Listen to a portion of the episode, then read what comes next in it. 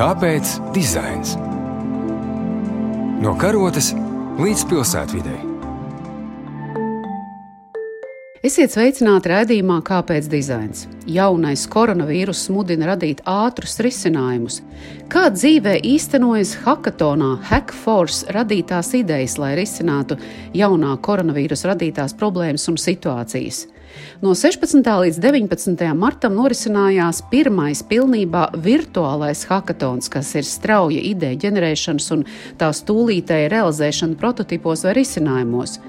Tam bija reģistrējušies 500 dalībnieki no 18 valstīm, un tajā bija pieteikts vairāk nekā 70 idejas. Trīs idejas, kuras ieguva vislielāko atbalstu, ir saistītas ar šobrīd medicīnas nozarei svarīgiem risinājumiem - sejas aizsargs mediķiem, pirmais mākslīgās plaušu ventilācijas iekārtas prototips, datoru un viedierīču simulācijas programma, kas nodrošina attālinātas apmācības medicīniskajam personālam par atbilstoša aizsarga apģērba izvēli un individuālo individuālo aizsargu līdzekļu lietošanu. Tāpat tika radītas arī citas šajā brīdī lieliskas idejas par brīvprātīgās palīdzības koordinēšanas platformu un kā efektīvāk valstī un uzņēmējiem pārvaldīt algu un dīkstāvs maksājumus.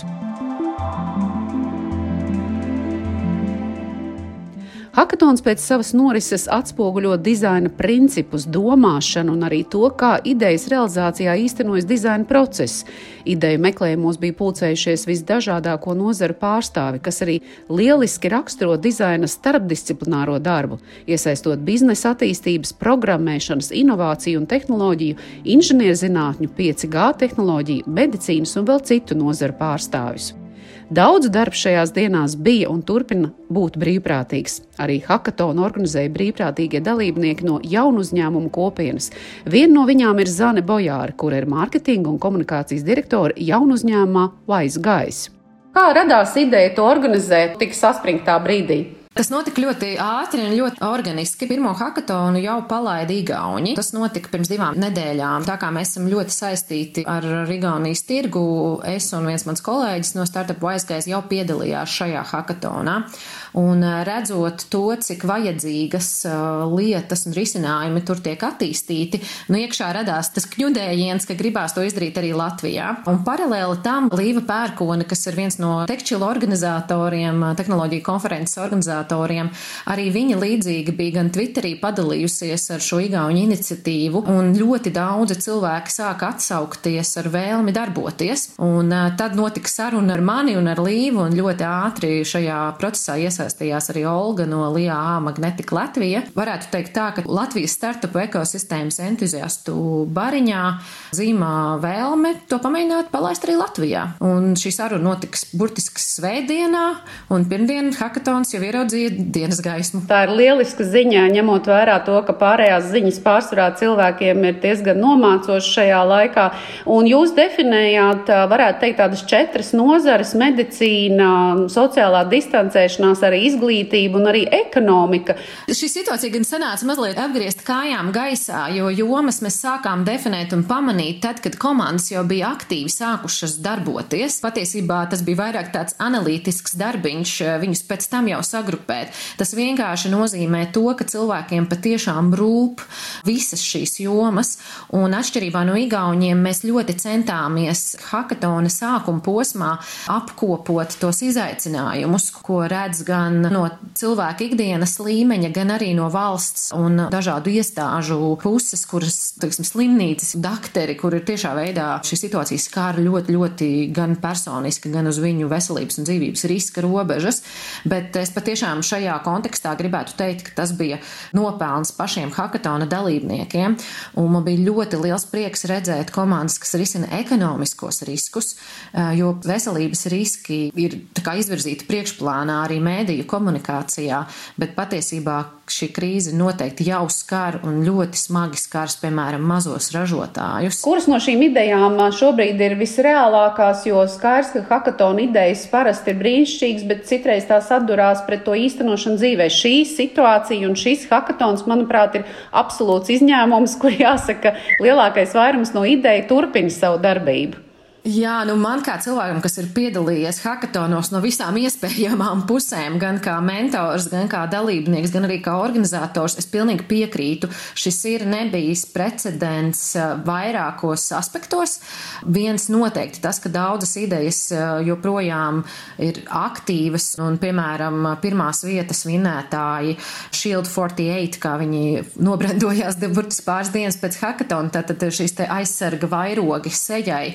Viņi vienkārši strādā uz urā, pilnīgi negulējuši arī inženieri, kas rada šo mehāniski darbināmo ventilatoru plaušām. Zinu, ka arī ļoti aktīvs darbs notiek pie Exonikus virtuālās realitātes simulācijas dakteriem, un kas man liekas īpaši interesanti, ka viņi jau ir paspējuši ieintegrēt pirmās vietas ieguvēju produktu savā virtuālās realitātes apmācībā. Mēs šobrīd arī apkopojam hackathonā slēka kanālā, kas ir mūsu darba vide virtuālā. Mēs arī apkopojam, kā komandām iet, bet tātad, eh, kuras vēl ir aktīvas. Man nav precīzs skaits, bet uh, izskatās, ka vismaz desmit komandas ļoti aktīvi turpina darbu. Un uh, viena interesanta tendence, ko es tajā visā arī saskatu, ka dažas no šīm komandām, ir sevišķi, kas tika finālos un top pieciniekā, ir attīstījušās uz esošu startup uzņēmumu bāzes. Piemēram, tātad pirmās vietas ieguvēji, viņiem ir jau esošas 3D tehnoloģijas pieredze un komanda, kas jau ir kopā strādājusi. Bet hackathon ietverā viņi tieši attīstīja šo specifisko produktu, un man liekas, ka tas ir ļoti interesants precedents Tātad, ka esošas komandas pielāgojas krīzei. Līdzīgs risinājums ir arī Flipful komandai, kas arī ir Latvijas startups, um, kas ikdienā piedāvā savu risinājumu vidējiem maziem uzņēmumiem, bet uh, viņu sistēma var palīdzēt automatizēt šīs kompensācijas uh, par dīkstāvi no valsts puses uzņēmējiem Latvijā. Tas arī reti tā notiek, ka hackathonā piedalās tik daudz jau sevi pierādījuši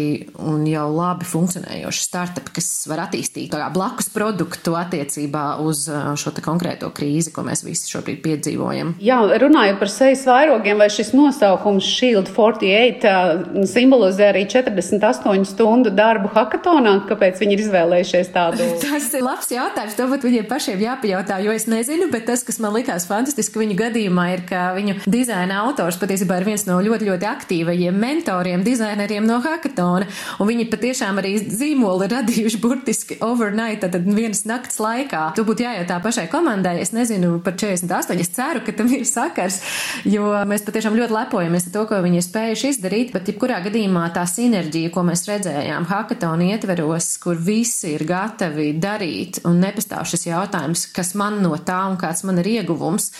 Es ļoti ceru, ka šo sadarbību var eh, nodrošināt arī ikdienā un ka tam nevajag tikai krīzi, lai sadotos rokā un izdarītu lielas lietas. Pilnībā piekrīt Zana, bet no tavas pieredzes, vai faktiski mēs šeit arī redzam nu, brīnišķīgu piemēru no dizaina procesa viedokļa. Jo daudz nu, beidzamā laikā tiek runāts dažādos uzņēmējdarbības un arī valsts līmeņos par dizainu domāšanu, par tās ieviešanu dzīvē. Bet, manuprāt, šis tiešām ir piemērs brīnišķīgs gan no šī dizaina domāšanas, dizaina procesa viedokļa, kā šis hackathons darbojas, gan līdz tam, kā tas tiek tālāk novirzīts. Jo arī tas, ka uzreiz tiek domāts, ka Latvijā augstskolās visur ir 3D printeri un ir iespējams arī reģionāli, līdz ar to nododot šo modeli, strādāt un apgādāt vietējās slimnīcas, principā ir ideāls piemērs, kā mēs esam mācījušies un esam lasījuši grāmatās. Jā, un tas, ko mēs ar, ar organizatoru komandu, kurā bija vismaz sešas dažādas organizācijas no Latvijas startup vidas, pēc tam runājām, ka ļoti lielā mērā pats hackathons, pats šis 48 stundu trakais skrējiens arī ir dizaina piemērs tieši no, es pat nezinu, kā latviski to tulko experience design, pieredzes dizains, ja, tad, tad mēs ļoti daudz pievērsām uzmanību tam, kā mēs varam palīdzēt cilvēkiem orientēties šajā virtuālajā vidē, kā mēs varam pareizi uzdizainēt sarunas kanālus, lai viņi satiktos pareizajā vietā. Jebkurā gadījumā tas, kas mani ļoti priecē, ka parasti hackathon ir datoriķi tusiņš, ja, kurā viņi kaut ko programmē, un patiesībā centā jau vairs nav, bet šis hackathons noteikti izgāja vēl tālāk ārpus šiem rāmjiem gājiem, jo ļoti daudzi cilvēki pievienojās un atzinās, ka viņi pirmo reizi ir hackathonā. Protams, pirmo reizi virtuālā, jo agrāk tāda virtuālajā vidē nenotika. Un tas bija patiesi liels izaicinājums, kādā veidā var nodrošināt šo pieredzi, lai viņi neapjuktu, lai cilvēki, kas ir no NVO sektora, sociālie uzņēmēji, valsts pārvalžu pārstāvji, lai viņi nenobītos un lai patiešām šī satikšanās un mācīšanās vienam no otra notiktu. Un, protams, ir ļoti daudz lietas, ko startup vide ļoti aktīvi izmanto, bet uh, kas varbūt neizskan tālāk Un, tāpēc man bija liels prieks redzēt šīs dažādas dalībnieku grupas. Arī ļoti daudzi lielie uzņēmumi iesaistīja savus darbiniekus. Piemēram, Mobilī bija ļoti aktīvi iekšā ar saviem darbiniekiem, kuri mācījās un kopā darbojās.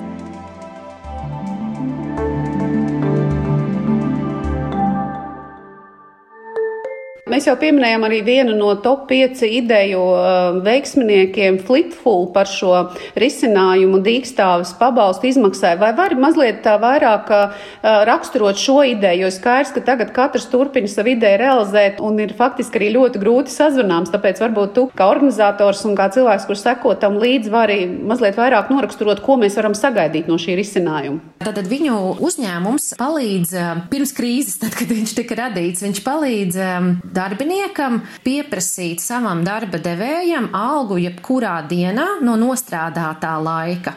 Tas nozīmē to, ka es, piemēram, nevis saņemu vienu avansu un vienu algu mēnesī, bet es varu paprasīt to pēc četrām nostrādātām dienām. Tas, ko Jānis ar komandu darīja hackathonu laikā, bija mēģinājums pielāgot šo sistēmu situācijai, kad tiek apstiprināti valsts līmenī. Tātad šeit atbalsti uzņēmējiem. Pozitīvā puse ir tā, ka tev nav jānodarbojās ar daudzu papīru aizpildīšanu. Sistēma principā automatizē naudas pieprasījumu un naudas piešķiršanu. Noslēdzošais jautājums, Zana, šis viss noteikti nebūtu iespējams bez finansiāla atbalsta. Un tiešām prieks ir arī lasīt un uzzināt, ka ļoti lielu atbalstu šai ziņai valdība jau ir sniegusi. Par kāda nu, apjoma palīdzību finansiāli mēs varam šeit runāt un būt arī pateicīgi? Jā, priekš mums tas nebija precedents, un es esmu ārkārtīgi pateicīga gan Olgai personiski no Latvijas investīciju un attīstības aģentūras, bet arī ekonomikas ministrijai. Viņi burtiski stundu, pat ne dienu laikā pieņēma lēmumu uz hackathona vinētājiem novirzīt 25 tūkstošus eiro. Un it sevišķi komandām, kas rada tehnoloģiski sarežģītus risinājumus, kā piemēram ventilatori, arī tad jau daudz pieminētie sejas aizsargi, šī nauda ir ārkārtīgi nepieciešama, lai no prototipa tiktu līdz reālam produktam. Ļoti tiešām paldies par ātrumu un paldies arī par uzticēšanos. Un vispār šķiet šī krīze ļoti sāktivizējusi ne tikai Latvijā, bet arī to var just Eiropas līmenī valsts sektoru un lēmumu patiešām tiek pieņemti daudz ātrāk. Bet es noteikti negribētu atstāt novārtā tos četrus uzņēmumus, kur arī ļoti ātri un raiti uzleca uz astes šim te, tad, tad finansējumam no ekonomikas ministrijas un LIA. Un liels paldies Svetbank, Tetam, LM TNT un Ubiquity, kas arī nāca pēc savas iniciatīvas ar, ar finansiālu atbalstu. Un mēs īstenībā pat igauņi mums kaktona laikā rakstīja, hei, kā jums tas izdevās, jo viņiem atskaitot Accelerate Estonia atbalstu arī 25 tūkstoši apmērā vairāk naudas balvu nebija. Un šobrīd mēs ļoti daudz dalāmies starptautiski ar savu haktonu organizēšanas pieredzi. Un lielākā daļa prasa, nu kā jūs to dabūjāt gatavu?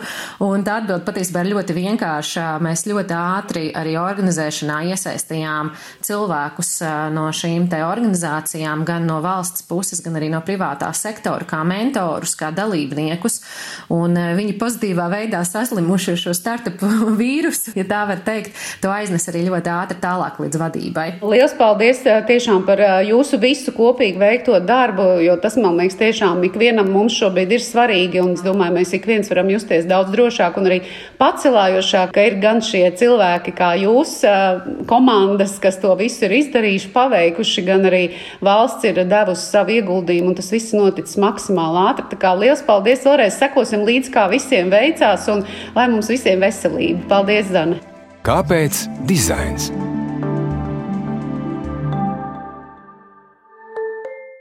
Jau pieminēto pirmo trīs vietu ieguvēji šobrīd darbojas, lai aktīvi ieviestu tehniskos risinājumus dzīvē. 3D printēts sejas aizsargs medicīnas profesionāļiem, kuri jau lieto stradiņa slimnīcas mediķi. Tas pilnībā aizsedz seju, taču neaizsvīst un to iespējams dezinficēt un izmantot atkārtoti un ar patiesu prieku var paziņot, ka Nacionālais veselības dienests noslēdzis līgumu par 10 000 sejas vairogu izgatavošanu.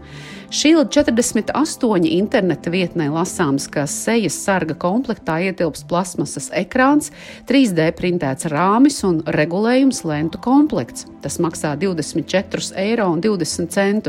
Sejas vairogu piegādātāju sadarbības projektam ir pievienojies uzņēmums Latvijas pasts, ar kura palīdzību plānots padarīt vieglāku loģistikas slodzi un nodrošināt vairogus visur, kur tie nepieciešami.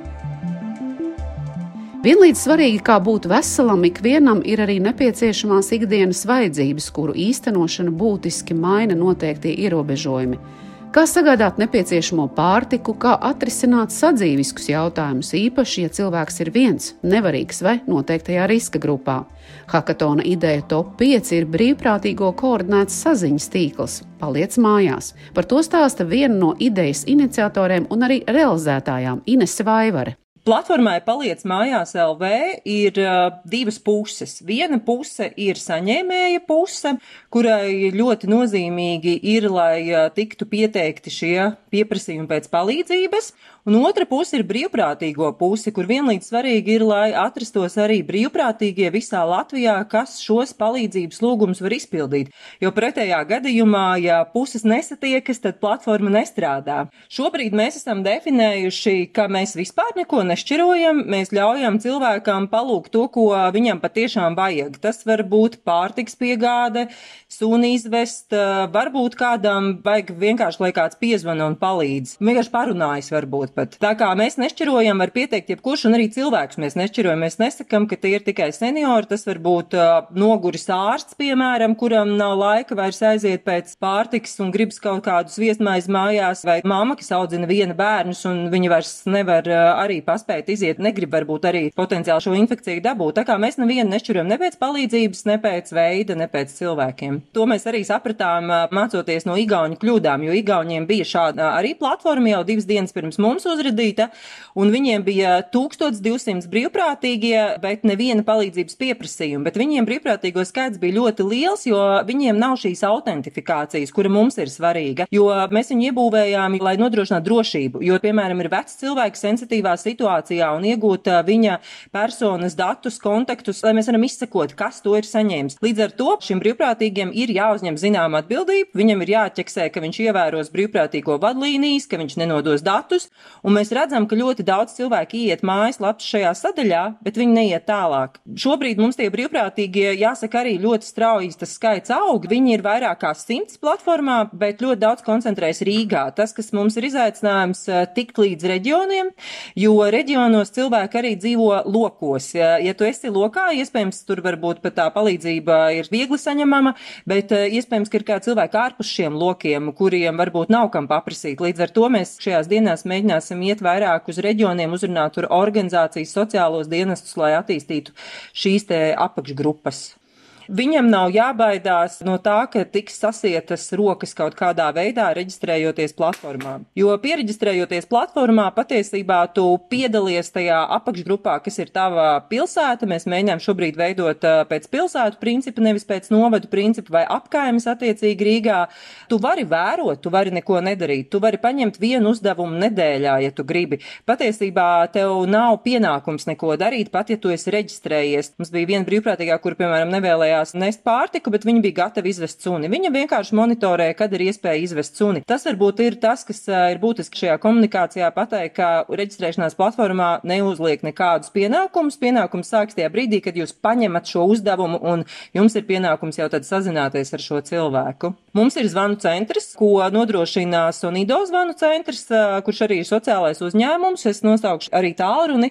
Tas ir 25661 991 visu diennakti latviešu, angļu un krievu valodā, un viņi reģistrē šos palīdzības pieprasījumus. Un tas ir tas veids, kā mēs redzam, kā sasniegt cilvēkus, kas nav digitāli.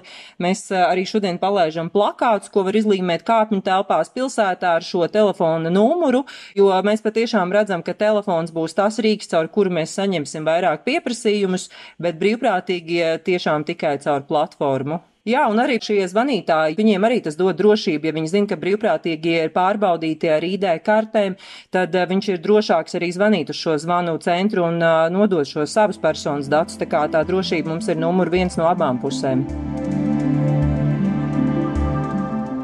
Lūk, cik dažādi risinājumi rasti. Novēlam darba sparu to tālākai īstenošanai un pateicība visiem, kuri iesaistās dažādās aktivitātēs, kas noteikti šobrīd notiekošo ļauj uzlūkot ar gaišāku un cerīgāku skatu. Redīja montē Judīta Bērziņa, šoreiz ārpus radio studijas, bet tomēr kopā ar jums bija Ilza Dobele. Redījuma izveida atbalsta Kultūra Kapitāla fonds uz tikšanos!